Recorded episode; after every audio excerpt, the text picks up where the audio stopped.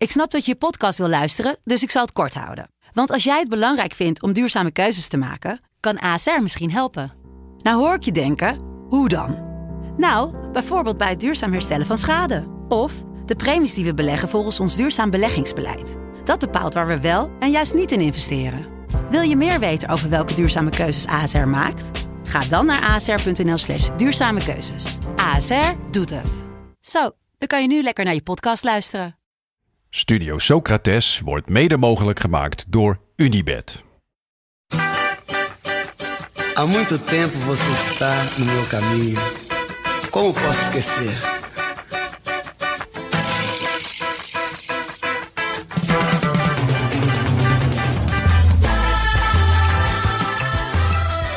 Welkom bij Studio Socrates, een podcast over alles wat voetbal mooi maakt. É você. Ja, ja, ja, Jasper, daar zitten we weer. En eh, het was een, eh, een zonnig weekend buiten al het voetbal om, zag ik. Eh, niet alleen omdat ik af en toe buiten was, maar ook op Instagram zag ik dat het terrassenseizoen geopend is bij de Druif. Ja, Het is, dat is nogal een momentje altijd, toch? Ja, dat was wel, eh, het was wel meteen eh, heftig. 1 maart gaat het terrasseizoen officieel in en dan mag je van je, van je vergunning Maar langer... dat is echt eh, een datum. Ja, dan mag je, je hebt dus winterterras Ah, en oké. zomerterras. En op 1 maart gaat het zomerterrasvergunning in en dan mag je, dan mogen wij een groter terras en langer open.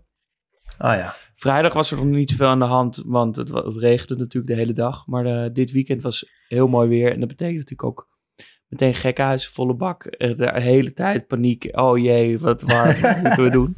Ehm, maar dat is heel fijn en heel leuk. Dus het was wel een, eh, een pittig weekendje. Dus ik heb gisteren, dat was zaterdag, weinig voetbal kunnen kijken. Maar veel, eh, veel eh, bier moeten tappen. Ja, veel meters gemaakt op het terras. Maar ik heb het avonds heb ik nog wel even goed gemaakt en nog Ja, veel ja, teruggekeken. En het was niet zo erg, want dit weekend lag het, eh, ja, het zwaartepunt toch wel op vandaag, op de zondag. Zeker, zeker. Daar gaan we, daar gaan we het zo over hebben. Maar eerst eh, wil ik even het over Klaboe hebben. Ja, De luisteraar weet dat Klaboe, eh, ja, daar hebben wij een soort van samenwerking mee gehad in een, in een eerder seizoen. Even in het kort, zij verkopen sportkleding en met het geld wat ze daarmee verdienen, bouwen ze sportfaciliteiten in vluchtelingenkampen eh, over heel de wereld. En ze hebben ook een clubhuis in, eh, in Amsterdam op de Haarlemmerstraat. Is een nou, super mooi initiatief, mooi winkel, ga het even checken. Eh, en wij zijn eh, goed met Jan, eh, de, de oprichter van Klaboe, die, ik weet ook zeker dat hij nu luistert, dus hoi Jan. En die had een verzoekje waar ik graag eh, gehoor aan geef. Hij voetbalt namelijk op dit moment eh, wel eens met een jongen uit Sierra Leone van 20 jaar. Eh, die gevlucht is uit Sierra Leone en die daar voetbalde in het nationale elftal onder de 20. Eh, hij is dus nu in Nederland en hij wil natuurlijk niets liever dan lekker voetballen.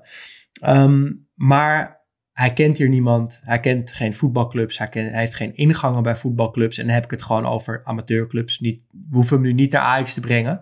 Uh, maar ik dacht, ik, noem dit even in de podcast. En misschien is er een luisteraar die denkt: hey, dat is een jongen die kan misschien wel bij ons elftal meetrainen. Dus is er ergens in de buurt van Amsterdam en omstreken een elftal die ruimte heeft voor Abu, zo heet hij. Een jongen uit Sierra Leone van een jaar of twintig, die dus daar in het uh, nationale elftal onder de 20 jaar heeft gevoetbald. Uh, en ik zou het echt heel vet vinden als er nu een, uh, een opening komt dat hij een keer ergens kan meetrainen. Ja, je gaat me echt niet vertellen dat er niet een Amsterdams team is dat elke zaterdag een mannetje te weinig heeft. En wel een kwaliteitsimpuls ja. kan gebruiken. Want het klinkt gewoon als iemand die goed kan voetballen. Ja. ja. En het is een goed verhaal. Dus help ons, help Abu. Stuur een berichtje als, uh, als er een mogelijkheid is dat hij bij jou in het team kan, uh, kan meedoen. En dan uh, nou, hebben wij onze plicht gedaan en hebben we Abu eh, een blij, blij mens gemaakt. Eh, dus help ons, help ons, help ons. Uh, hoe was Goedemorgen Eredivisie, Daan? Dat is jouw werk en jij brengt elke zondag een leuk kijkje achter de schermen mee. Ja, ja, ja. We hadden, vandaag hadden we Fred Rutte, Cedric van der Gun en Aten Mos. Uh, leuke tafel vond ik zelf. Aten Mos is natuurlijk altijd ja. jouw favoriet. Ja, ja, ja. En het was, het was gewoon een topzondag met een vroege wedstrijd van Ajax. Dat is voor ons, voor de kijkcijfers, altijd heel goed. Dan schakelen veel mensen in als die, als die vroege wedstrijd een beetje aansprekend is. Uh, de topper van PSV Feyenoord om half drie, dat, was, dat, ja, dat is ook goed voor, voor onze kijkcijfers. Um, en ik leer altijd wel weer wat nieuws over, over de gasten die aan tafel zitten. Uh, of het is meer van dat, dat ik opeens weer iets besef, wat, wat eigenlijk wel een heel mooi verhaal is. En dat had ik vandaag bij Cedric van der Gun. Uh, want die vertelde, ik wist natuurlijk dat hij bij Borussia Dortmund gespeeld heeft. Maar die heeft dus een transfer gemaakt uh, toen der tijd van ADO Den Haag naar Borussia Dortmund. Dat is toch, dat is toch zo vet eigenlijk? Ja, die zul je nu niet zo snel meer zien, denk ik. Nee, toch? Dat Henk Veerman opeens gehaald wordt door Borussia Dortmund of, of, of Daryl van Michem. Ja, er, dat, er zijn uh, natuurlijk wel eens radere dingen in het voetbal gebeurd, maar ja, voor de hand liggend is het niet. Nou ja, er zijn zeker raardere dingen gebeurd, maar ik vind het op transfergebied van ADO Den Haag naar Borussia Dortmund, uh, vind, ik wel, wel, echt een stunt. Dus ik vond het leuk dat ik dat weer, uh, dat, dat weer even naar boven kwam. En verder, we hadden het natuurlijk ook eventjes over die uh, PSV Feyenoord uit 2010, die 10-0 werd. Ja, daar ontkom je niet aan op, op, op, de, op deze middag.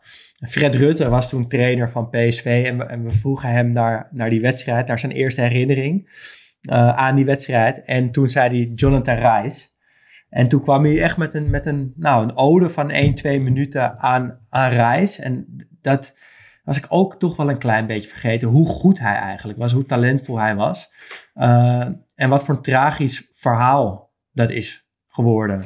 Uh, drugsverslaving, mentale problemen en uiteindelijk taxichauffeur in Brazilië op dit moment. ESPN heeft daar een best wel goede en leuke docu over gemaakt. Uh, aanrader. En ga gewoon even naar YouTube en bekijk een, een highlight filmpje van Jonathan Reis. En geniet weer even van hoe goed hij was.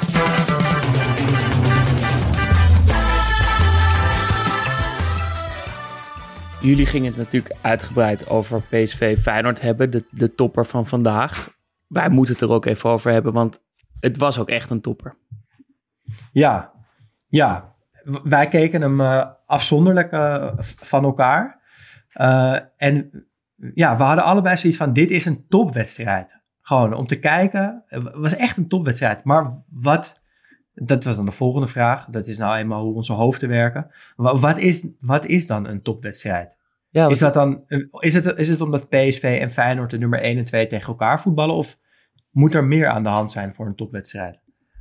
Ik denk dat het met een aantal dingen te maken heeft. Want we hadden bijvoorbeeld nog een andere wedstrijd vandaag, United City, die ook illustreerde dat ja, het is niet alleen een groot affiche wat een topwedstrijd maakt. Want dat is natuurlijk een grote affiche tegen, tussen twee van misschien wel de grootste clubs ter wereld. Um, maar waar, was toch niet zo'n topwedstrijd als Feyenoord PSV was. Uh, en dus heeft dat te maken, denk ik, met en dat het dus nummers 1 en 2 van de competitie zijn, of nummers 3 en 4. Moet wel om de hoogste plaatsen gaan. Maar het moet ook. Er moet wel iets van spanning uh, zijn. Ja, er moet, het moet wel om de top gaan. Om, om, om een plaatsje in de competitie helemaal bovenin. Maar uh, het gaat denk ik bijna meer om dat het twee teams in vorm zijn. Ja. Ja, dus dan, dan maakt het niet eens uit als het niet per se de nummer 1 tegen de nummer 2 is. Nee, als de, de, uh, de 3 tegen 4 is, maar ze zijn allebei ongelooflijk in vorm en ze spelen in die wedstrijd allebei op de toppen van hun kunnen, dan is het volgens mij een topwedstrijd. Tussen de en nummers 5 en 6 weet ik niet of dat dan kan. Nee, nee. Nee, want we hebben natuurlijk ook nog uh, uh, later, later op de zondag even kort die Fortuna Excelsior gezien ook een hele leuke wedstrijd. Maar dat was dan misschien geen topwedstrijd. Nee, geen top. Wil je daar even... Want ik vond het wel ook wel een leuke tegenhanger van, van, van, de topper die dit was.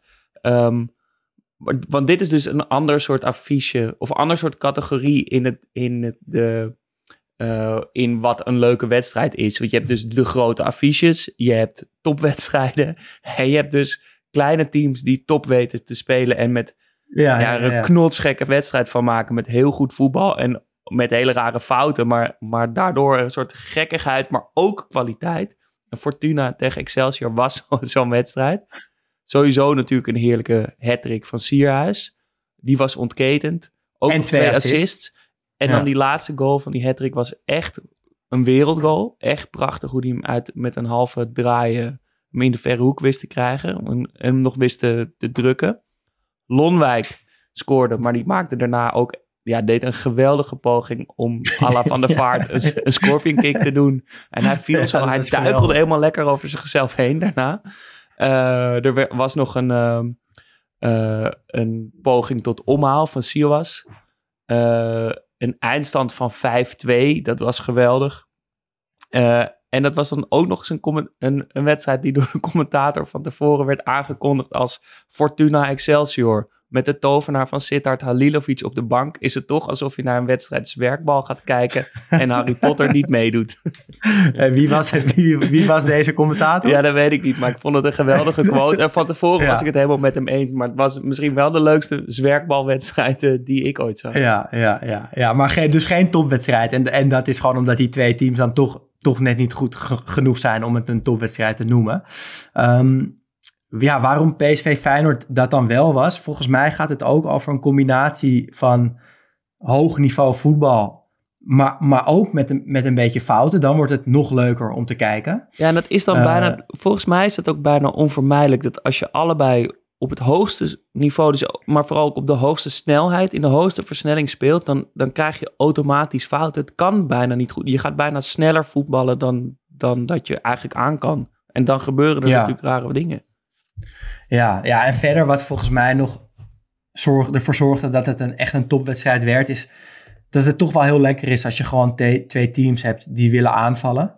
Eh, niet per se een vereiste, denk ik, want het kan ook heel leuk zijn om een verdedigend elftal te zien strijden om elke meter tegen een team wat het, wat het spel maakt. Hè. Zo- Zo'n Barcelona-Atletico van een paar jaar geleden of zo. Dat soort wedstrijden waren ook wel echt topwedstrijden. Ehm, maar voor de kijker is het denk ik wel het allerleukste als er twee teams zijn die aanvallen. Eh, het, het ging nog wel echt ergens om. Tuurlijk is dat kampioenschap zo goed als binnen voor PSV. Maar je merkte wel dat Feyenoord toch zoiets had van ja, als we hier winnen, dan misschien ja, ko- toch wel knikken en knietjes een klein beetje dan nog bij PSV. En PSV speelt natuurlijk voor die ongeslagen status. Waarvan ik, we hebben het al eerder gezegd, waarvan ik echt hoop dat ze het gewoon halen. Ze verdienen het echt. En ik zou het heel jammer vinden als het in het zicht van de haven, dat ze dan komende vrijdag opeens punten verliezen tegen Go Ahead Eagles of zo. Maar dan heb je toch liever dat ze van een heel goed Feyenoord verliezen en dan rust kunnen Ja. hebben met het feit dat ze niet ongeslagen zijn, dan dat ze gewoon een soort bananenschil hebben op een eh vrijdagavondwedstrijd. Ja, nee, dus dat ze dit ook weer uit het vuur sleept en een puntje dan, dat, ik hoop gewoon echt dat ze het gaan redden. Ehm, het was ook, als je een beetje op een tactische manier naar voetbal kijkt, was het heel interessant met Peter Bos en, en Arne Slot, die dus wel allebei willen aanvallen, maar dat wel op andere manieren deden. Eh, dus dat maakt het voor mij tenminste als kijker ook nog wel echt leuk. En ja, misschien wel het, het allerbelangrijkste. Er moeten wel gewoon leuke en goede spelers op het veld staan. Zoals in mijn geval Malik Tilman, mijn mannetje. En ik, ik heb weer echt van hem genoten. En ik vond dat El Amadi het eh, treffend zei vanochtend eh, op ESPN ook. Die, die zijn, ja, het punt wat hij wilde maken was een beetje van... Er zit nog zoveel meer in het, in het vat. Ondanks die slordigheid en ik zou het ook een beetje snurkerigheid willen noemen. Wat hij soms heeft. Dat hij even niet staat op te letten. Of dat hij heel simpel een bal verliest. Dat hij met zijn hoofd ergens anders lijkt te zijn. Dat is natuurlijk een kwaal waar jonge spelers wel vaker last van hebben. Uh, maar in mijn ogen is het ook een kwaal die voortkomt of voorkomt bij spelers die, bij wie het eigenlijk net wat te makkelijk gaat allemaal. En nu begeef ik me misschien een beetje op glad ijs, omdat Tilman is echt niet elke week de allerbeste bij PSV. Maar ik denk, ik denk toch wel dat hij onder zijn niveau speelt en dat hij echt veel beter is dan PSV. Ik denk zelfs als je hem nu neerzet bij Real of, of bij Liverpool of bij Bayern München, waar hij natuurlijk gewoon nog onder contract staat, dat, ja, dat hij mee kan, ten eerste. En ten tweede, dat ook die slordigheidjes juist uit zijn spel gaan verdwijnen. Uh, omdat hij het niet kan maken op een hoger niveau. Dat wordt gewoon niet gepikt. En maar, bij PSV wordt het nog wel een beetje gepikt. Uh, maar vond je hem dan vandaag de beste man op het veld? Mm, Nee, ik denk niet dat ik hem de beste man op het veld vond. Maar ik zag dus wel heel veel van die momenten. Uh, waarvan ik dan denk op te maken dat hij nog veel hoger kan spelen dan dit. En je hebt natuurlijk ook heel vaak spelers die heel goed zijn met een hele duidelijke bovengrens. En die dus ook in zo'n wedstrijd heel goed kunnen spelen. Maar van, waarvan je wel proeft, ja, dat gaat nooit echt beter worden dan PSV. Ik denk dat Luc de Jong daar eigenlijk het allerbeste voorbeeld van is. Um, maar Tilman, ja, die heeft een bovengrens waar ik echt heel enthousiast van word. Dus dat, uh, dat, dat maakt het gewoon heel leuk om te kijken.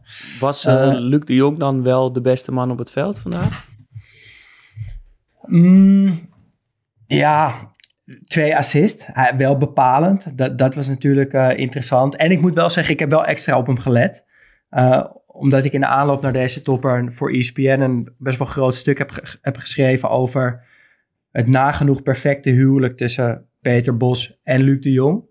Dus de strekking was een beetje dat, dat zij echt profiteren, van elkaars kwaliteiten. En één punt wat ik aanhaalde in dat stuk was dat Luc de Jong, omdat Peter Bos zo aanvallend speelt, eigenlijk alleen maar diep op de helft van de tegenstander de bal krijgt met heel veel aanvallende spelers om zich heen. Wat hem veel beter maakt. Want hoe vaker Luc de Jong de bal aan gaat raken, hoe, ja, hoe minder kans op slagen eigenlijk. Terwijl als hij de bal kan laten vallen op een lopende middenvelder, dan wordt het gevaarlijk. Nou, dat vond ik wel leuk dat daar twee doelpunten uitvielen. Die 1-0 laat hij, ja, laat hij hem heerlijk vallen op Tilman. En die 2-0 van Tilt, dat hij er overheen glipt, is ook een lekker balletje van de Jong. Uh, ja, dus in, in die dingen is hij wel echt goed. En dat is dan ook wel weer mooi. Het is eigenlijk ook heel mooi om te zien. Een, een speler te zien floreren op zijn niveau. En dat heeft Luc de Jong. Het is niet beter dan dit, het is niet slechter dan dit. Maar dit we hebben kunnen zien dat zijn niveau niet bij Barcelona lag. Vond ik wel, ja. Maar misschien... Of vond jij... Nee, nee, dat bedoel ik te zeggen. Van, nou, bij Barcelona haalde hij het net niet. Deed hij het heel, nee. heel behoorlijk, maar dat was misschien net te hoog. Maar met Tilman, ja. ja, weten we het toch niet. We gaan het meemaken. Ik heb er in ieder geval heel veel zin in. Het volgende punt, en dat is een beetje een, um, een discutabel punt wat ik nu wil aansnijden als een van de dingen die het voetbal mooi maakte deze week. Uh, en dat was namelijk dat Greenwood een doelpunt maakte bij Getafe, of voor Getafe. Uh, de voormalig bad boy van United scoort een doelpunt voor de grootste bad boys van Europa, Getafe. Dat is natuurlijk op zich niet mooi en ik wil hier met dit betoog ook absoluut niet een ode geven aan het anti-voetbal van Getafe of Mason Greenwood uh, vrijspreken van het feit dat hij zijn vriendin waarschijnlijk heeft uh, mishandeld. Maar er zit toch een soort schoonheid in dat die twee bad guys elkaar glad hebben ijs, gevonden. hoor, glad ijs. Ja, en ik, ik, ik, ik denk dat er twee redenen zijn waarom ik toch een soort glimlach om mijn mond kreeg. En dat is omdat, ja, eigenlijk past Greenwood heel goed bij Getafe, omdat Getafe vasthoudt aan hun identiteit van rotclub. En wij hebben altijd gezegd dat, ja, ongeacht wat je identiteit dan nou is, of het nou uh, realistisch countervoetbal is of prachtig verzorgd aanvallend voetbal, zolang clubs vasthouden aan hun identiteit, is het altijd mooi. En ja, ergens is het dus wel mooi dat Getafe met met de komst van Greenwood vasthoudt aan hun identiteit. En ten tweede, ook omdat het voetbal nou eenmaal ook gewoon bad guys nodig heeft. Je hebt een ja. anti-held nodig om helden te kunnen hebben. En uh, ja, de, of het nou jouw eeuwige rivaal is van jouw team, of het een speler is waar je een hekel aan hebt, of dat het gewoon zo'n zeurende, zuigende rotploeg als Getafe is. Je hebt een iemand nodig waar je dat op kan projecteren. De, de ploeg you love to hate. En daar, daar zit wel iets heel fijns in. Uh, want bijvoorbeeld met, met Bayern, die lijken bijna geen natuurlijke vijanden te hebben. Als je elf keer op rij kampioen wordt, is dat eigenlijk voor niemand leuk. En je zou hun dus een ploeg als Getafe gunnen, bijna, die het elk jaar hun moeilijk kunnen maken. Ja, gewoon een, een leverkoeser, maar dan niet één keer in de twintig jaar. Precies. Maar één ja. echte rivaal die het elk jaar weer head-to-head -head met elkaar moeten uit gaan vechten. Ja, ja ik, ik snap je punt. En ik ben het er helemaal mee eens dat, dat het in beginsel gewoon mooi is als, als een club of een speler vasthoudt aan zijn eigen identiteit. Ook al is dat ja, verdedigend voetbal of betonvoetbal of lelijk voetbal. Maar bij Getafe voelt het op een of andere manier toch een brug te ver. Kijk, Atletico Madrid bijvoorbeeld, dat heb ik altijd heel goed aangekund wel. Omdat ze je ook heel veel moois geven. Weet je wel, een echt een goede organisatie. Uh, die winnaarsmentaliteit die gewoon vet is. Uh, dat winnen ten koste van alles echt tot een kunst verheffen. Dat is, dat is mooi. Uh, en vergeet ook niet dat Atletico ten tijde van dit allemaal en ook nu spelen ze gewoon ook goed voetbal en hebben ze heel veel mooie spelers die het voetbal de moeite waard maken.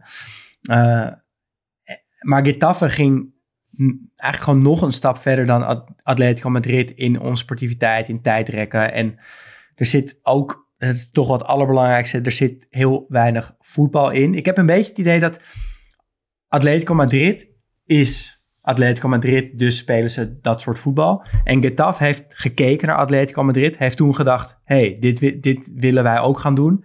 En zijn, zijn het toen soort van nog extremer gaan proberen. Uh, ja, voor mij een brug te ver. Dat Greenwood daar dan terecht komt. Uh, zonder ook maar iets van Greenwood goed te, goed te praten. Dat, dat klopt natuurlijk, dat hij dan naar die club gaat. Uh, niet, geen club wil zich daaraan branden en terecht, behalve Getafe. Uh, maar misschien is dat dan ook, toch? Ja, maar dat is dan ook wel gelijk waarom Getafe dan een brug te ver is. Ja. Dat ze gewoon ja, echt scheid hebben en Greenwood pakken. Terwijl Atletico dat niet doet. Ik ben het helemaal Toch, ze hebben gewoon eens. echt geen moraal, Getafe. Nee, het is, het is wel... Het, omdat ze geen kwaliteit hebben, hebben ze gewoon volle bak op dat ja. zeuren. Dat, daar ben ik het helemaal met je eens. Als bad guy moet je ook kwaliteit hebben. En moet je het, moet je het naar een hoger niveau kunnen tillen. Zeg maar, Diverson bij Getafe was alleen maar vervelend. Omdat hij niet ook goed kon voetballen. Als hij ook goed had kunnen Precies. voetballen, dan, dan hadden Ja. we het er misschien ergens ook wel mee kunnen vergeven. En ik denk dat je goed, als bad guy, moet je gewoon heel goed ook weten dat je een beetje een bad guy bent. En uh, voetbal is natuurlijk ook gewoon een hele leuke sport, omdat je het een beetje vuil en gemeen kan spelen. Um, maar dat is natuurlijk ook altijd tot een zekere hoogte. Want je een, een, een elleboog geven of echt gemeen iemand uit een wedstrijd schoppen, dat kan niet. Maar zoals Rudiger Nee. laatst Morata aan zijn tepels kneep, ja, dat is geweldig. Ja, Ehm, ja. Dus hoe irritant het voetbal van, van Getafe ook is. En tijdrekken en schwalbes en klagen bij de scheids is verschrikkelijk. Maar je moet er toch niet aan denken dat het hele voetbal uit ideale schoonzoons bestaat. En Nee, misschien zeker niet. begrijp ik dit verhaal van Greenwood bij Getafe een beetje aan. Meer aan om dat, om dat punt te maken dan dat ik dat per se nou zo mooi vind. Maar ik wilde, gewoon, ik wilde ook even iets lelijks of de bad guys in het voetbal ook even een plaats in onze mooiste momenten Ja. van de week geven. Ja, ja, en wanneer ben je dan een bad guy? Ja, dat is. Volgens jou? Ik, ik zat er over na te denken en je, je zou van tevoren denken dat eh, de ander altijd de bad guy is, toch? Voor je gevoel ben jij de good guy en is de ander de bad guy. Maar dat is dus in het voetbal volgens mij niet zo. Is het heel duidelijk wie de bad guy is en wie de good guy is. Ook al Je ben je gewoon object, op- ja, objectief gezien. je kan, je kan, ik denk dat er genoeg clubs zijn die dat imago van, of, en ook spelers, dit imago van bad guy hebben omarmd. Dus volgens mij gaan we het ook eens zijn als ik bijvoorbeeld zeg wie de, wie de good guy en wie de bad guy is bij Real en Barcelona. Bad guys zijn dan Real, Ja, toch? ja. Ja. En bij eh, Napoli, Juve. Eh, ja, de bad guys vind ik dan Juve. Ja, oké, maar je, in principe zijn de bad guys natuurlijk Napoli. Ja, De straatvechters die, die ja, en ja, oké. Ja, ja. Maar ja, Marseille, ook PSG natuurlijk- kan je het ook zeggen. ja, nee, ja, klopt. Want jij bent voor Marseille, die- maar, maar jij weet ook dat Marseille de bad guys zijn. Ja, ja ik, ik zat er dan alweer een beetje zo'n meta boven te hangen. Dat ik dacht, ja, de echte bad guys, dat, dat zijn natuurlijk juist Paris en Ja, oké, ja, tuurlijk. Met Maar, al die vrouwen. maar als je het hebt over nee, identiteit in het voetbal, dan, Ja. dan zijn we volgens mij allebei be- met al die rivaliteiten, met, met Wenger tegen Mourinho, dan weten we ook allemaal op een of andere manier is Wenger de good guy en Mourinho de bad guy. Ajax Feyenoord? Ja, dan zijn Feyenoord de bad guys. Ja. En Boca River? Dan zijn Boca de bad guys. Ja, ja. Dat, volgens mij is dat een Nederland- soort... Nederland-Duitsland? Ja, zijn Duitsland de bad guys natuurlijk. ja, ja. ja, ja, nee, Ja, dit dat is een gevoel. En het het is een gevoel, en dat dat, volgens mij is dat universeel wie bad guys zijn en wie de good guys.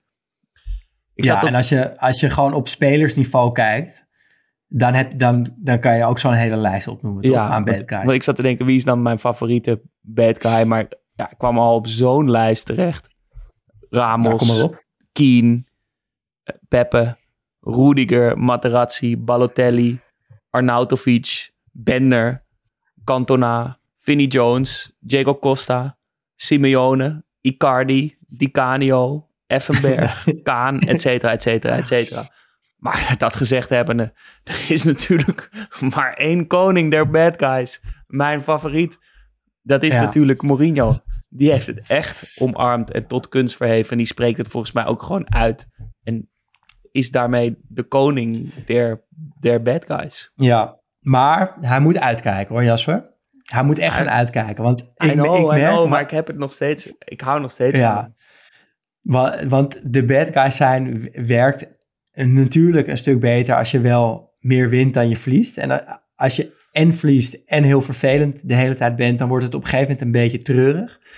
En bijna zijn we daar wel aanbeland bij Mourinho. Ik, ik, ik, vond zelf Slatan ook wel een heel goed voorbeeld nog van een bad boy.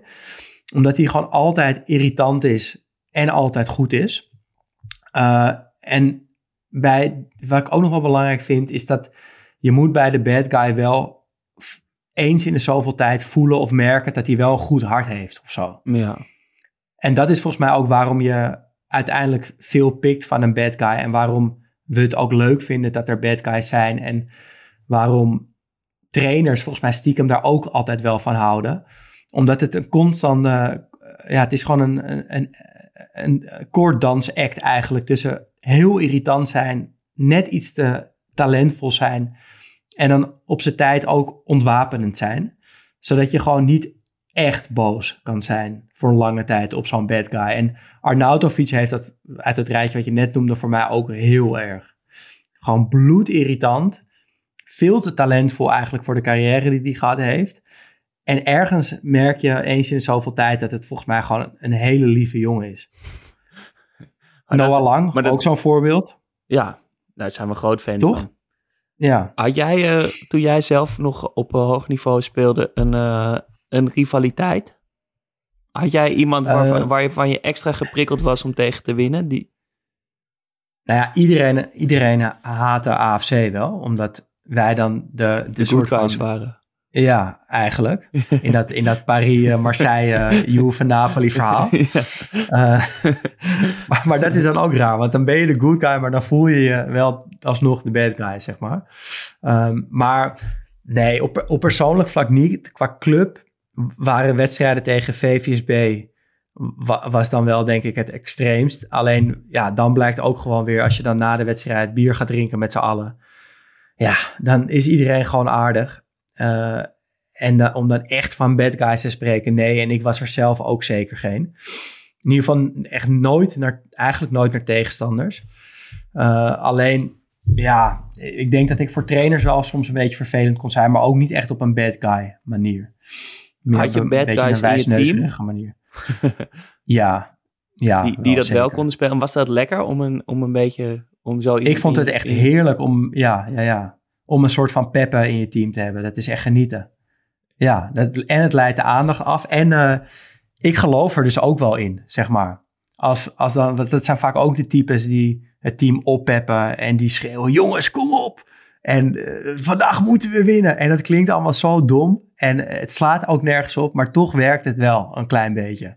En toch is het lekker om iemand in je team te hebben die dat roept en dat je het gelooft. Mooi gezegd. Het Ja. derde moment eh, van deze aflevering komt eh, niet van Ja, is velden, maar heeft wel een beetje met dit, eh, met, met dit hele verhaal te maken. Ja, ja, ja. Want de, de documentaire van Noah Lang is uh, uitgekomen. Nou, hij, hij heet nog net geen, geen bad boy, die documentaire. Hij, hij heet Laspak. Komt misschien ongeveer op hetzelfde neer. Uh, het zijn vier afleveringen van een minuut of 45 en ze volgen hem ongeveer een jaar. Zijn laatste jaar bij Club Brugge, het WK zit erbij en, uh, en zijn transfer naar PSV en die Johan Cruijffschaal geloof ik ook nog.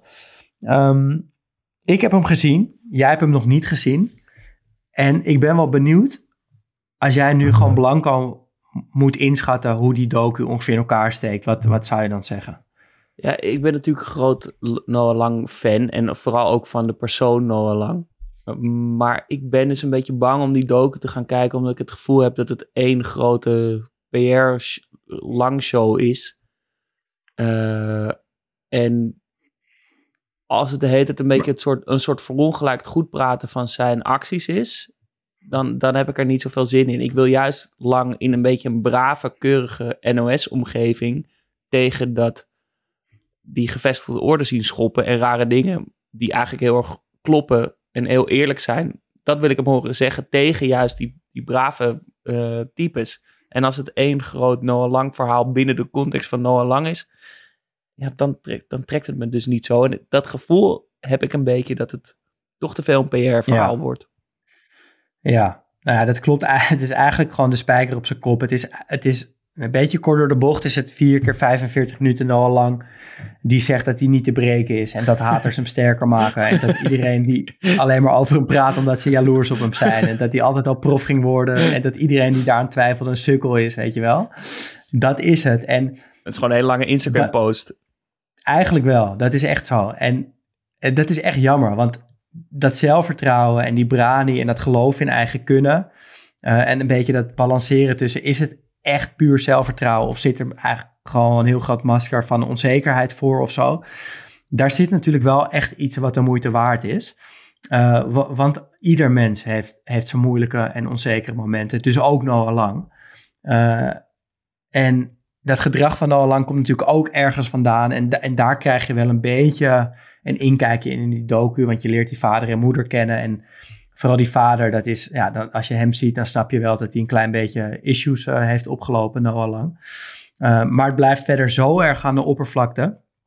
Uh, dat het, dat het een gemiste kans is. En dat ik me afvraag een beetje in in het licht van al die documentaires over al die voetballers die de afgelopen jaren uitkomen. Van wiens, waarom wordt dit gemaakt? Hoe authentiek is dit nog eigenlijk? En is het dus leuk om, om vier keer 45 minuten naar een marketing tool te kijken eigenlijk? Ja, een, een documentaire is natuurlijk alleen leuk als het ook echt een documentaire is. En, en een, een fotografie of documentaires zijn uh, nooit helemaal objectief.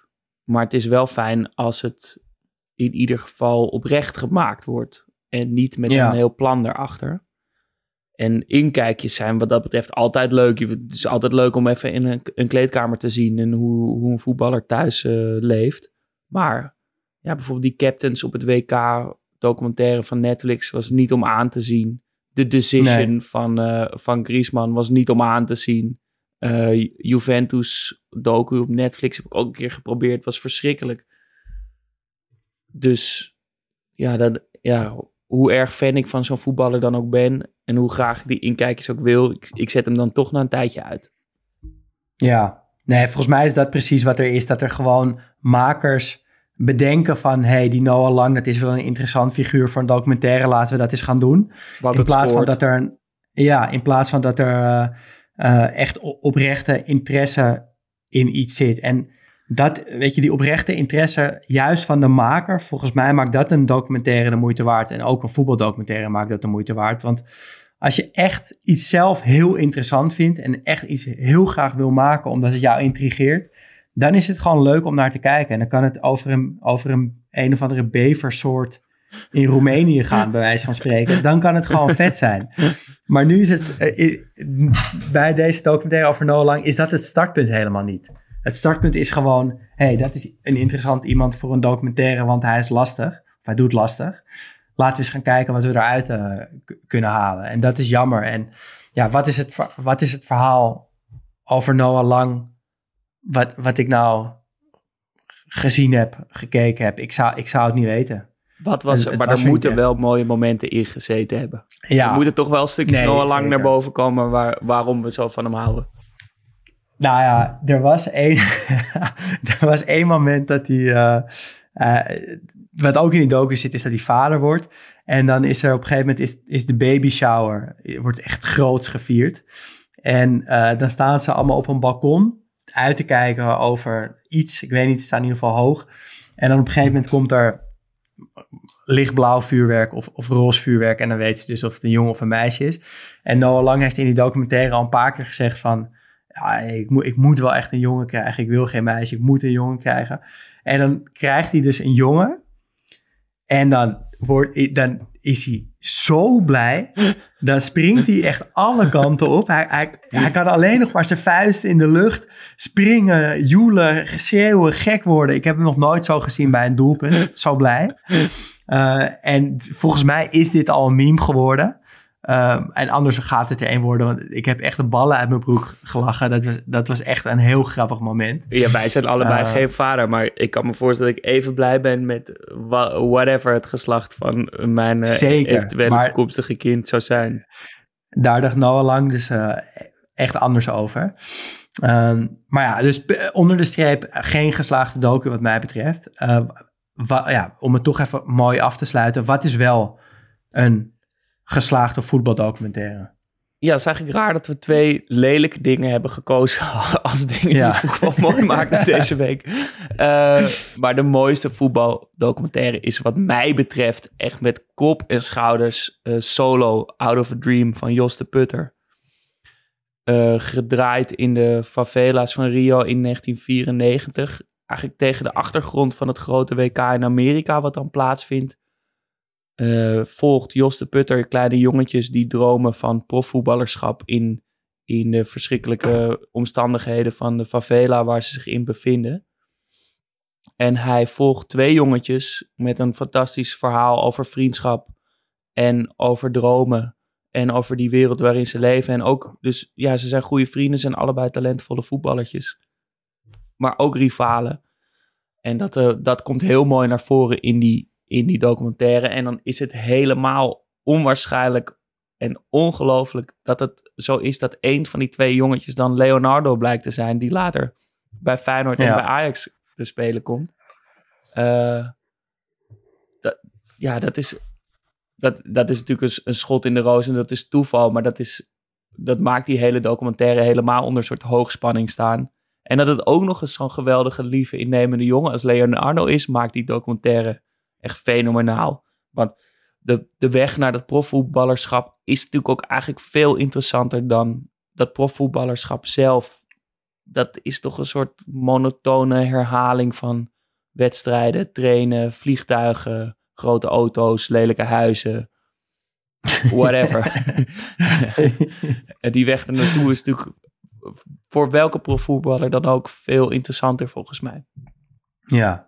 Is, was het... eh, ik moet ook denken aan Daar hoorden ze engelen zingen van, van Ajax bijvoorbeeld. Wat ook wel echt, echt een goede documentaire was.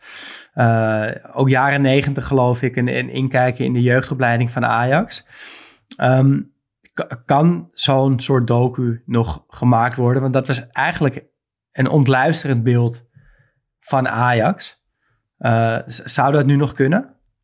Daar wil ik wel echt heel erg in geloven dat dat kan. En het kan misschien ook op een andere manier, zoals die 90 minuten lang eh, documentaire van Zidane in een wedstrijd. Dat ze alleen maar Zidane filmen. Dat is natuurlijk ook een heel soort intiem, innemend portret van hem. Misschien heb je niet meer al die toegang tot die profclubs, maar dat moet kunnen. Er moet een innemende voetbal, oprechte, authentieke voetbaldocumentaire gemaakt kunnen worden. Maar ik ben het met je eens dat, hoewel we ons vaak tegen nostalgie eh, willen verzetten, dat ik toch wel het idee heb dat dat soort dingen als voetbaldocumentaires, kijk alleen al naar Harry Vermegen met al die items die hij maakte met al die voetballers. Ja. Of hoe AT5 mee kon met de selectie van Ajax naar de Wereldbeker in Tokio. Dat soort dingen, dat wordt wel lastiger, denk ik. ja. Eh, trouwens, Over wie, eh, over wie zou je een docu eh, wel wil, gemaakt willen zien worden? Welke voetballer? ehm, Ja, je hoopt natuurlijk over iemand die nog nu aan het, aan het doorbreken gaat. Misschien die Endriek of zo. Die op het punt Ja. staat de beste voetballer ter wereld misschien wel te gaan worden. Ja, Ehm, ja. Trouwens nog als kleine side note. Dat solo Out of a Dream, dat staat op NPO Start. Mocht je het willen kijken. Echt de moeite waard. Over wie zou jij eh, een docu willen zien? Mm, nou, ik ben. Ja, misschien wel gewoon Socrates. Eh, en dan, eh, dan, dan, dan in het licht van alles wat er nu, in Brazilië aan de hand is. met, ja, het, het is nu dan weer een andere president, maar wat er aan de hand was met die Bolsonaro en zo. En hoe dat land veranderd is en waar Socrates toen de tijd voor, voor streed. Ik denk dat je daar ook nu nog een hele actuele documentaire over zou kunnen maken. Dat je een beetje zijn, zijn leven en zijn strijd vermengt met alles wat er eh, nog steeds eh, aan de hand is in Brazilië. En hoe voetbal verbindt. Ja, zoiets ja. Dat, eh, dat zou ik wel, eh, daar zou ik graag naar kijken, laat ik het zo zeggen. Over eh, oprechtheid gesproken, wat nog een soort van los hier aan vasthangt. Maar wat ik wel gezegd wilde hebben, wat het voetbal deze week wel echt veel mooier maakte. Ik kwam erachter dat ze in Spanje in de rust interviews doen. En ik was zo ongelooflijk blij daarmee. Ik verstond er geen woord van. Het was allemaal in het Spaans, maar spelers stappen het veld af voor de rust. En krijgen nog even een microfoon onder hun neus gedouwd. Zoveel oprechter dan dat soort al een beetje soort overlegde, gemediatrainde praatje na afloop. Als ze al even tot rust zijn gekomen, een verhaal hebben bedacht hoe ze het gaan vertellen. Maar gewoon nog in de hype van, dat, van die wedstrijd. En dan is het bijna alsof je echt een kijkje in het hoofd van die speler in de wedstrijd bijna krijgt. Ik zag bij Valencia Real, zag ik Sergi Canos geïnterviewd worden met Atletico Bilbao tegen Barcelona. Kreeg Berenguer die microfoon onder zijn neus. Het was geweldig. En we zeggen het al langer dat dat nodig is, want wij hebben in Ja. onze favoriete wedstrijd aller tijden ongeveer tussen Santos en Flamengo zagen wij Ronaldinho ook met bezweet bovenlijf zonder shirt eh, geïnterviewd worden in de rust. Het is geweldig. En waarom zou je het ook niet doen? Ja, doen, ook in Nederland. Interviews in de rust op het veld. Ja, dan het volgende fragment, het laatste fragment. Ik keek eh, zaterdagmiddag Premier League, eh, Nottingham Forest tegen Liverpool. Het stond tot diep in de blessuretijd 0-0, maar toen dook daar Darwin Núñez op, 0-1. Drie punten voor Liverpool, waardoor ze nog steeds op koers zijn voor het kampioenschap. En ik wil het naar aanleiding van dit moment over twee dingen hebben. De enorm vreemde spits die Darwin Núñez is. En de slotfase als, als fenomeen. Hoe, hoe, hoe kan het dat het lijkt dat sommige clubs beter dan andere clubs zijn in de slotfase? Wat, wat, wat voor zinnigs kunnen we daarover over zeggen? Uh, maar eerst even die, die rare spits, Darwin Núñez. Want als ik zeg Darwin Núñez, wat zeg jij dan? Dan zeg ik heel veel open kansen missen, maar wel belangrijke wondergoals maken. Ja, ja, en een uh, waanzinnige kapsel. Moet, moet, wil ik daar nog, nog, nog aan toevoegen. Ja, gewoon sowieso uh, een goede kop heeft hij. Ja, ja, ja. Uh, het, het, is echt het is leuk om naar te kijken op een of andere manier. Um, maar dat, met die kansen, dat, dat heb ik ook. En dat maakt hem, vind ik, een hele interessante spits. Omdat het, het is al dat je de, de, toekomstige waarde van een, van een spits, of eigenlijk gewoon de toekomstige doelpunten die een spits gaat maken, uh, dat je die afmeet aan de kansen die die krijgt en niet per se aan de kwaliteit van het afwerken. Dus eigenlijk heel simpel gezegd, hoe meer een spits in scoringspositie verschijnt, hoe meer doelpunten die waarschijnlijk gaat maken. En die Darwin, je kan veel over hem zeggen, maar hij krijgt gewoon elke wedstrijd echt dotten van kansen. En dat kan alleen maar betekenen dat er een moment komt dat hij die gaat verzilveren. En dat maakt het dus wel leuk om naar hem te kijken. Omdat elke keer als je hem ziet spelen, dan heb ik tenminste het gevoel van... Oh ja, vanmiddag kan het gaan gebeuren. Maar je bedoelt dat hij, hij opeens uh, vijf inschiet. Dat het hij, opeens wel lukt. Hij gaat een keer echt in vorm komen, bedoel je? En dan is Ja. hij onhoudbaar. Ja, We hebben nog helemaal niet de echte, de, de echte Darwin Núñez uh, hebben Nou ja, nog helemaal niet gezien. Bij Benfica hebben, eh, heeft hij echt wel het heel goed gedaan ook. Uh, maar ik denk dat hij in de Premier League ook aan een lopende band gaat scoren op een gegeven moment.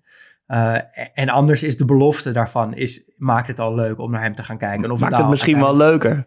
Ja, of het nou echt gebeurt of niet. Als je elke keer die, die belofte hebt als je naar hem kijkt, dat, dat maakt het gewoon al heel leuk. Ehm, en dat was tegen Nottingham Forest gewoon precies hetzelfde. Hij kwam erin als invaller. Hij miste een paar kansen. Hij blijft volharden. En dan in de allerlaatste minuut maakt hij de winnende. En voor hem was het extra lekker omdat het hele stadion de hele tijd zong. He's just a shit Andy Carroll. Wat natuurlijk echt, echt een geweldige song is. Uh, maar ik kan, dus, ik kan dus stiekem wel van hem genieten. Heb jij dat ook of vind je het gewoon een ja. vervelende rommelaar? Nee, precies ook waarom je dit, uh, vanwege dit moment en wat je zegt, dat hij dat een hele wedstrijd lang het niet doet en dan op het laatst wel. Want ik was eigenlijk helemaal geen fan van hem, omdat hij vooral ook zo vaak voor eigen succes koos en de verkeerde keuze maakt. En dat dat echt irritant gaat worden op een gegeven moment. Zeker als je dan niet de kansen die je wel echt binnen moet schieten, wel echt maakt. Maar ik zag twee weken geleden, denk ik, een betoog op de BBC van een analist. En ik ben vergeten wie het was, want ik heb de hele dag geprobeerd terug te zoeken. En die zei opeens, uh, want er, er werd, de, in de studio werd er een beetje geklaagd over Darwin Nunez om al die redenen. En toen kwam hij in beeld en toen zei hij, ja, ik ben het helemaal niet met, met je eens. Als ik Darwin Nunez in mijn selectie zou hebben, zou ik hem altijd opstellen. En wel hierom, dat hij dus altijd Maakt niet uit of hij op de bank begint en of hij nou meteen twee dotten van kansen mist. Bij die volgende actie gaat hij er weer vol voor. Hij houdt nooit op met rennen, met sleuren, met doen. Hij, is, hij blijft optimistisch, hij blijft proberen. En daarom is hij zo goed. En daarom is hij denk ik ook zo goed in de slotfase. Dat hij gewoon maar doordendert. En toen hij dat zei, zag ik Darwin Nunez opeens in een, in een heel ander daglicht. Klikte alles vielen al die vorige wedstrijden opeens ook helemaal op zijn plaats. En nu ben ik steeds meer eh, fan aan het worden. En ik vond het heel fijn dat ik dus één, met één opmerking mijn hele beeld van een speler uh, veranderde. Heb jij, dat, heb jij dat wel eens gehad? Nou, ik, ik heb het ik weet niet of ik het zo abrupt heb gehad, maar ik heb natuurlijk wel met Benzema heb ik dat, heb ik, is, is, maar dat was een heel geleidelijk proces. Op een gegeven moment, er was gewoon een punt dat ik niet meer kon volhouden dat ik geen, dat ik hem niet zo goed vond. Uh, en toen ben ik hem maar goed gaan vinden. En als je dan op die manier naar zo'n voetballer kijkt, dan is hij ineens natuurlijk ook heel goed. Wat hij waarschijnlijk daarvoor ook al was. Alleen ik wilde dat gewoon niet zien. Uh, maar ik weet, ja, kijk, jij hebt natuurlijk gewoon de afgelopen week of, of de week daarvoor uh, gezegd dat je Weghorst wel vet begint te vinden. dus, dus dan is dus echt alles nog mogelijk. Dan, ja, dan is echt alles nog mogelijk. Dus, dus wie weet, misschien leuk om, dit, om dit af en toe eens in een paar weken deze vraag even op te gooien. Hoe het met Weghorst gaat. Nou ja, of, en of er nog een andere speler is geweest die opeens die, die switch heeft gemaakt. Maar het is toch lekker om, om van mening te veranderen. Dat is denk ik iets, ja, uh, dat vind ik alleen maar sterk. En ja. Uh, belangrijk dat, dat of het nou met voetbal is of met wat dan ook, is belangrijk om af en toe je eigen opvattingen even ter discussie te stellen. Ik zeg er wel bij, ik vind Weghorst niet, ik begin hem niet als voetballer heel goed te vinden, maar ik begin gewoon dat hele onhandige bad boy imago wat hij heeft, daar begin ik een beetje voor op te warmen. Oké, nou ja. De, de, het is een vrij land, zeggen ze dan. Hè? dat uh, oorbelletje van dat kruis, wat daar bungelt aan oh, het oor. Dat, dat, ja, Dat, ik begin er steeds, steeds meer om te kunnen lachen. En die tranen van hem? Ja, hij meent het ook. ja, nu moet ik ook wel zeggen. Ja, nu moet je vol. Nu moet ik ook vol. Nu moet ik er vol in. Ja. ja. Nou ja, het is wel. Het is eigenlijk een heel goed bruggetje naar, naar de slotfase waar we het dan nu over willen hebben. Ja. Uh, want hij heeft natuurlijk het, het allermooiste moment van de afgelopen paar jaar qua voetbal kijken heeft hij ons gegund. De mooiste de slotfase, ooit, ja. Ja. Ja, dus daarvoor ben ik hem wel nog altijd dankbaar. Uh, maar even naar, naar de slotfase als, als, als geheel, als fenomeen. Ja, ik, ik, het zal jij het waarschijnlijk ook hebben. Altijd als ik Liverpool kijk en ze staan achter, dan heb ik het gevoel, ja, dit komt nog wel goed. Die gaan nog wel scoren. Uh, en eigenlijk hoe dichter ze bij het eind van de wedstrijd komen, hoe, hoe sterker dat gevoel wordt. En hoe kan dat in godsnaam, vraag ik me af. Waarom heeft Liverpool dat? Is dat echt omdat ze ook, want statistisch gezien doen ze het ook wel vaker dan andere teams. Is het gewoon heel rationeel of zit daar ja, gevoel? Ik geloof wel, en daar wil ik ook een beetje naartoe met dit hele verhaal over die slotfase, dat het, dat het meer is dan alleen tactiek. Want ze doen dus wel een paar dingen anders dan andere teams in slotfases. Maar ik denk dat een slotfase op heel veel manieren veel meer om, om mentaliteit en uitstraling gaat. En als jij uitstraalt dat je nog vertrouwen hebt in dat je gaat scoren, dan maak je je tegenstander bang. Die gaan dat opeens ook voelen. Die gaan twijfelen. Die gaan dan maar de bus parkeren, met z'n allen in de 16 staan. En dan krijg je dus wel uh, zo'n dat er zoveel druk komt. Ja, dus. en als jij uitstraalt van we gaan toch niet scoren, dan ga je misschien ook niet scoren. En dat is in een wedstrijd natuurlijk sowieso zo, maar ik denk in een slotfase nog wel meer. Ja, en hoe, en dan buiten dat, dus je moet het uitstralen, dat is eigenlijk stap 1. Je moet uitstralen dat, dat, dat je nog wil scoren in ieder geval. Wat, uh, hoe, wat zijn nog andere manieren hoe je een goede slotfase speelt? Um, is het gewoon alle ballen langer inpompen? Ja, tot op zekere hoogte wel. Beeld van de slotfase. Omdat het om mentaliteit gaat, gaat automatisch dus die, die uh, tactiek ook een beetje het raam uit. Want je gaat gewoon, je roept gewoon met z'n allen en nu gaan we gewoon scoren. En dus beuk je gewoon met z'n allen naar, naar voren. En als je dat, als je denk ik het, het heel erg uh, geduldig blijft en blijft opbouwen en aan je principes blijft vasthouden, dan ontstaat die die rare drang en die, dat, dat, zwart voor je ogen, dat momentum, dat ontstaat misschien minder dan. Maar dat is natuurlijk tot op zekere hoogte. Want alleen maar lange ballen is, is, is vervelend. Je moet natuurlijk ergens nog wel net rustig genoeg blijven aan de bar. Aan de bal en, en nog wel goede keuzes blijven maken. Ja, ja en toch, toch is, het, is het nog steeds zo dat bijna elke ploeg gewoon die bal erin pompt. En er zijn natuurlijk wel ja, klein beetje tactieken voor. Ik kan me herinneren een interview met Mark van Bommel, die, die vertelde hoe ze bij Antwerp uh, voor die kampioenswedstrijd van vorig jaar trainden op dat scenario van stel we moeten in de laatste minuut nog een doelpunt maken, hoe gaan we dat dan doen? Ja, dan uh, Toby Alderwereld naar voren, de spits in, uh, de flanken bezet voor de voorzetten en, en mannen rond de 16 om de tweede bal te winnen. nou ja, dat precies zo scoorden ze. Dus daar zit natuurlijk wel een, en een, een, een ja, soort van tactiek zit daar wel bij. Ook al is het natuurlijk ook gewoon alsnog geluk. Maar um, ik wilde, ik, dat, dat vind ik dan meteen de vraag die, die, die, waar ik wel vaker over nadenk dan, is, is waarom, kan je, waarom begin je daar niet mee? Waarom ga je niet nou, het eerste kwartier Toby Alderwereld ja. in de 16 zetten met de spelers eromheen en pomp je die ballen erin? Waarom, waarom kan je niet zoveel druk creëren in het eerste kwartier? Nou, ik denk ten eerste omdat je dus wel verdedigend meer risico's neemt. Ja, maar als je uh, zoveel dus... druk uitoefent en zo overrompelt, ja, dan. En dan heb je daarna nog 75 minuten om, om dat er weer allemaal recht te breien of zo. Ja, maar, maar en nou, ik denk dat wat jij net zegt, van dat, dat mentale aspect van, van een slotfase, de, de, de mentale krachten die dan loskomen, toch een beetje het, het, ang, de angst dat je hem nog vlak voor tijd tegen gaat krijgen en het geloof dat je hem nog vlak voor tijd wel gaat maken.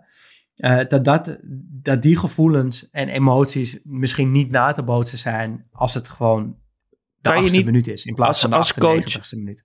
Kan je dat als een soort gedachte-experiment als coach, zou je dat kunnen proberen in de kleedkamer? Nou, dat je gewoon zegt, jongens, het, het, jullie komen straks het veld op, maar het is de 75 minuten. Jullie staan 0-1 achter. En jullie, moeten, jullie gaan gewoon zo met die mentaliteit erin let's go, we gaan Fabank spelen vanaf de aftrap. Ja, nou ja, ik heb het idee dat, uh, dat Almere City dat af en toe een beetje doet. nee, ja, ik denk, ik, ja, mm, ik denk, uh, dat het, ik denk toch dat het niet werkt. En dat dat ook meteen het, het vette van voetbal is. dat je het soort van één op één zou kunnen, weet je, die laatste vijf minuten kan plakken op de eerste vijf minuten. Maar dat het gewoon, eh, dat het toch niet gaat werken. Omdat het, die spanning niet na te bootsen is van die laatste vijf minuten. Nee, maar en het rare is denk ik ook dat je niet kan afdwingen dat je tegenstander er ook in meegaat. Want er komt ook denk ik iets in de koppies van die tegenstander van oh, het laatste kwartier is aangebroken. Oh, nu gaan ze druk zetten. Nu komt er een slotfase aan. En dus gaan, gaan, ze, gaan ze behouden voetballen, gaan ze de bus parkeren. Maar ik denk, als je van bank vanaf de aftrap begint, dat dan een, een, de tegenstander denkt, ja, wat is dit voor een rare voetbal? Wij gaan gewoon rustig opbouwen. En, en dat, uh, dat, het, dat het dus eigenlijk bijna die druk van een slotfase bijna meer aan de verdedigende partij ligt dan de aanvallen. Ja. Ja, nou in, die, in dat licht is het dus- dus ook wel ant- interessant om het als aanvallende ploeg anders te doen. En Liverpool doet dat dus dit jaar. Eh, want wat blijkt nou, dat VI was in de statistiek gedoken. Want Liverpool komt gewoon redelijk vaak op achterstand. Dus dan kan je best wel goed kijken, oké, wat doen ze dan eigenlijk om, om nog te winnen? En wat blijkt is dat Klopp dus best wel vaak aanvallers naar de kant haalt bij een achterstand voor middenvelders. Uh, met eigenlijk de simpele gedachte, als je kansen wil creëren, moet je, ja, moet je, of als je goede kansen wil krijgen, moet je die kansen eerst creëren eigenlijk. Daar komt het op neer. Uh, je moet de bal dus eerst, het, het, liefst zo georganiseerd mogelijk, in de buurt van de goal van de tegenstander krijgen. Uh, en ja, een lange bal is de snelste manier om die bal daar te krijgen, maar dat is natuurlijk niet echt georganiseerd. Er zit een grote dosis geluk bij. Uh, en een andere manier kan dan zijn om met heel veel creatieve spelers rondom de bal met veel middenvelders en aanvallers tussen de linies die bal rustig naar voren krijgen. Uh, en dan hopen dat er rond de 16 ja, dan toch wat gebeurt wat, wat, een, wat een doelpunt oplevert. En ik vind het eigenlijk best wel logisch en eigenlijk ook best wel ver, verfrissend. Uh, je krijgt misschien als, als enige minpunt het publiek minder makkelijk achter je ploeg, omdat het minder spectaculair is. Um, maar misschien is het ook wel een beetje vervreemdend voor de verdedigende partij om het op deze manier aan te pakken. En statistisch gezien werkt het dus wel. Uh, dus ja, ik, vond het, ik vind het wel interessant, want het is natuurlijk raar dat bijna elke ploeg dat nog steeds op dezelfde manier doet. Ja, misschien maakt het dus ook... Nou, ik, ik denk dat het gewoon goed is dat er, dat er een tactiek is voor een slotfase. Ja. Wat je zegt, ook met Van Bommel, dat je in ieder geval met een plan die, die druk gaat uitoefenen. En of dat nou lange ballen zijn of met middenvelders dat spelers in ieder geval weten wat ze moeten doen en daar dus nog een soort rust houden daarin. Dat lijkt me belangrijk. Ja. En ik vraag me dan toch ook af waarom, waarom klopt dat dan niet vanaf het begin al die creatieve middenvelders erin zet. Ja, ja, dat zou je aan Klop moeten vragen. nee, geitje.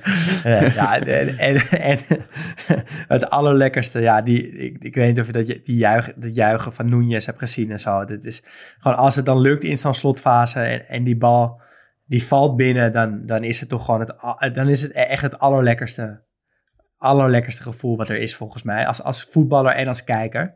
Gewoon, het, het is echt geweldig. Het is zo lekker, kijkt het weg.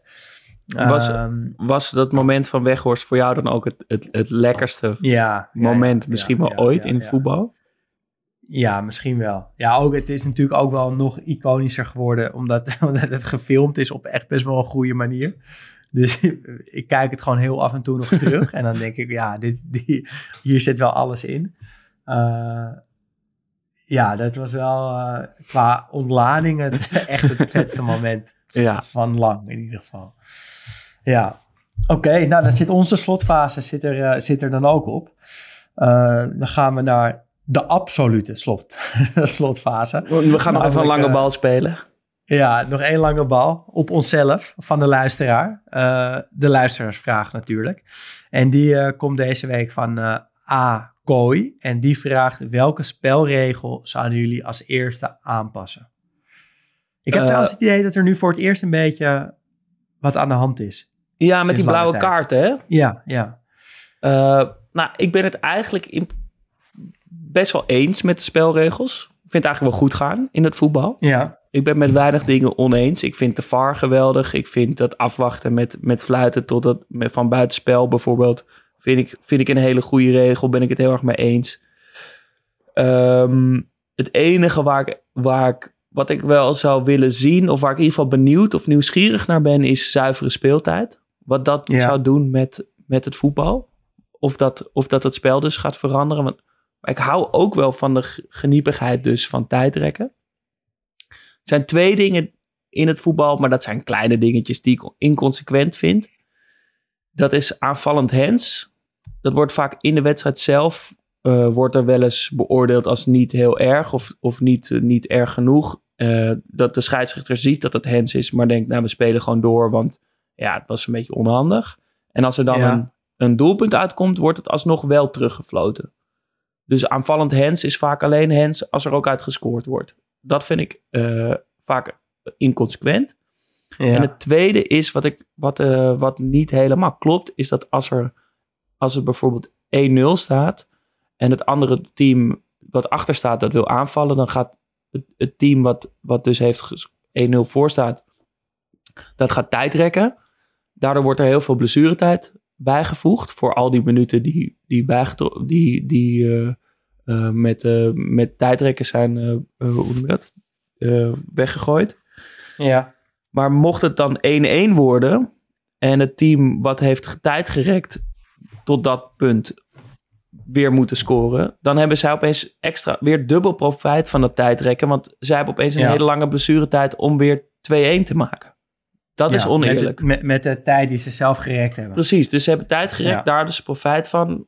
En daarna hebben ze profijt van die lange blessuretijd. En dat zou vaak mee moeten worden genomen, denk ik, in, in het oordeel van in ieder geval de vierde man dan. Ja. Maar goed, kleine, kleine details. Kleine dingetjes, ja. Oké. Eh, ik heb het iets, eh, niet, niet het spel zelf, maar de, de regels rondom elftallen. Eh, ik zou het wel interessant vinden als elk eh, team een bepaald aantal spelers onder de 23 bijvoorbeeld moet opstellen. Dat je gedwongen wordt om eh, met jeugd te spelen. Het liefst aan eigen jeugd natuurlijk. Of dat je met een bepaald aantal spelers, dus uit je, eigen jeugdopleiding of uit je eigen land, van, van de competitie dan moet spelen. Eh, zoiets zou ik eigenlijk ook wel interessant vinden. Omdat ik kan me voorstellen dat, dat misschien dan wel de competities wat eerlijker worden. eh, binnen, binnen de competitie zelf en ook tussen landen onderling. Wat dat betreft ben ik het eigenlijk wel meer, zou ik voorstander, van, voorstander zijn van dat er elke week een random amateurvoetballer wordt opgeroepen om voor een team uit te komen. dus dat gewoon el- elke profwedstrijd altijd iemand wordt aangewezen die, die mee moet doen bij een team. Ten eerste nou omdat, opeens omdat dromen dan echt uitkomen. Ja. Toch? Dat is de droom die we allemaal hebben. Dat je op de tribune zit en dat iedereen geblesseerd is. En dat ze zeggen, kan iemand invallen? En dat dat dan... En omdat het contrast leuk is, denk ik, om te zien tussen hoe goed profvoetballers Ja. zijn in vergelijking met, met ons lui amateurs. Dat zou, dan zou ik dat als, als spelregel doen. Ja. Nou ja, dat, ik zou zeggen, bel eh, San Marco. Ga ik dat doen. dat, dat is de man. Ja. Ja, ja, ja. ja, En in de slotfase twee ballen in het veld, zoiets. Maar goed, Ja. ik, denk er nog even, ik denk er nog even over na. Eh, Nou, bedankt, eh, bedankt voor je vragen, Akoy, in ieder geval. Ehm, wij eh, ja, We zijn er volgende week weer. we Eh, zijn er volgende week weer. Studio Socrates wordt mede mogelijk gemaakt door FC Afkikken. Doneer op Vriend van de Show, www.vriendvandeshow.nl slash Studio Socrates. Daarmee help je ons met het maken van deze podcast. Je kan een eenmalige donatie doen of elke week eh, of elke maand een vaste, van, al vanaf 2,50 euro. Volg ons ook Ja, op en, Instagram op NX Studio laagstreepje Socrates. Ja, en eh, praat, praat over ons. Dat helpt. Geef ons vijf sterretjes. Dat, dat helpt ook. En je kan ook een, een e-mail sturen. studiosocratespodcast.gmail.com En dan zijn wij er volgende week weer. Dus tot volgende week. Tot volgende week.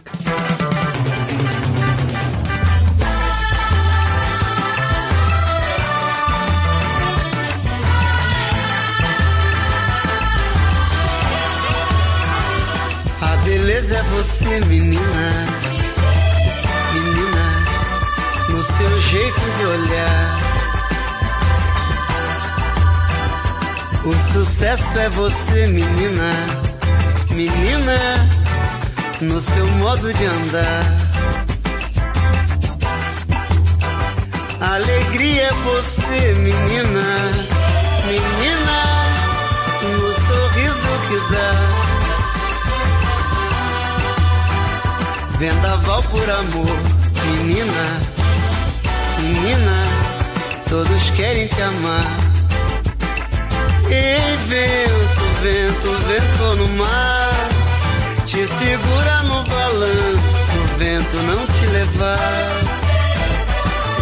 Ei, vento, vento, vento no mar, te segura no balanço, pro vento não te levar. Já sei que não vai ter jeito pra poder te conquistar. Se você olhar pra mim, menina, vou te amar. Já sei que não vai ter jeito pra poder te conquistar. Se você olhar pra mim, menina, vou te ganhar. Ei, vento, vento, vento no mar. Te segura vento não te levar. Ei, vento, vento, vento no mar. Te segura no balanço pro vento não te levar. Como posso te esquecer? Não tem jeito.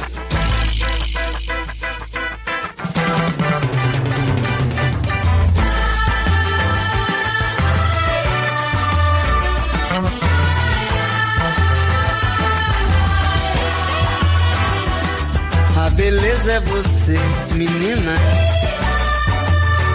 no seu jeito de olhar. O sucesso é você, menina, menina, no seu modo de andar. Alegria é você, menina, menina, no sorriso que dá. Vendaval por amor, menina, menina, todos querem te amar.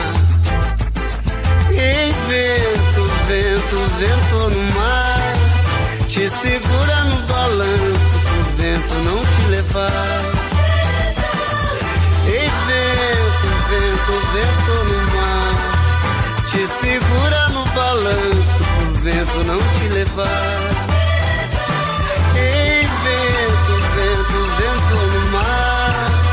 Te segura no balanço pro vento não te levar.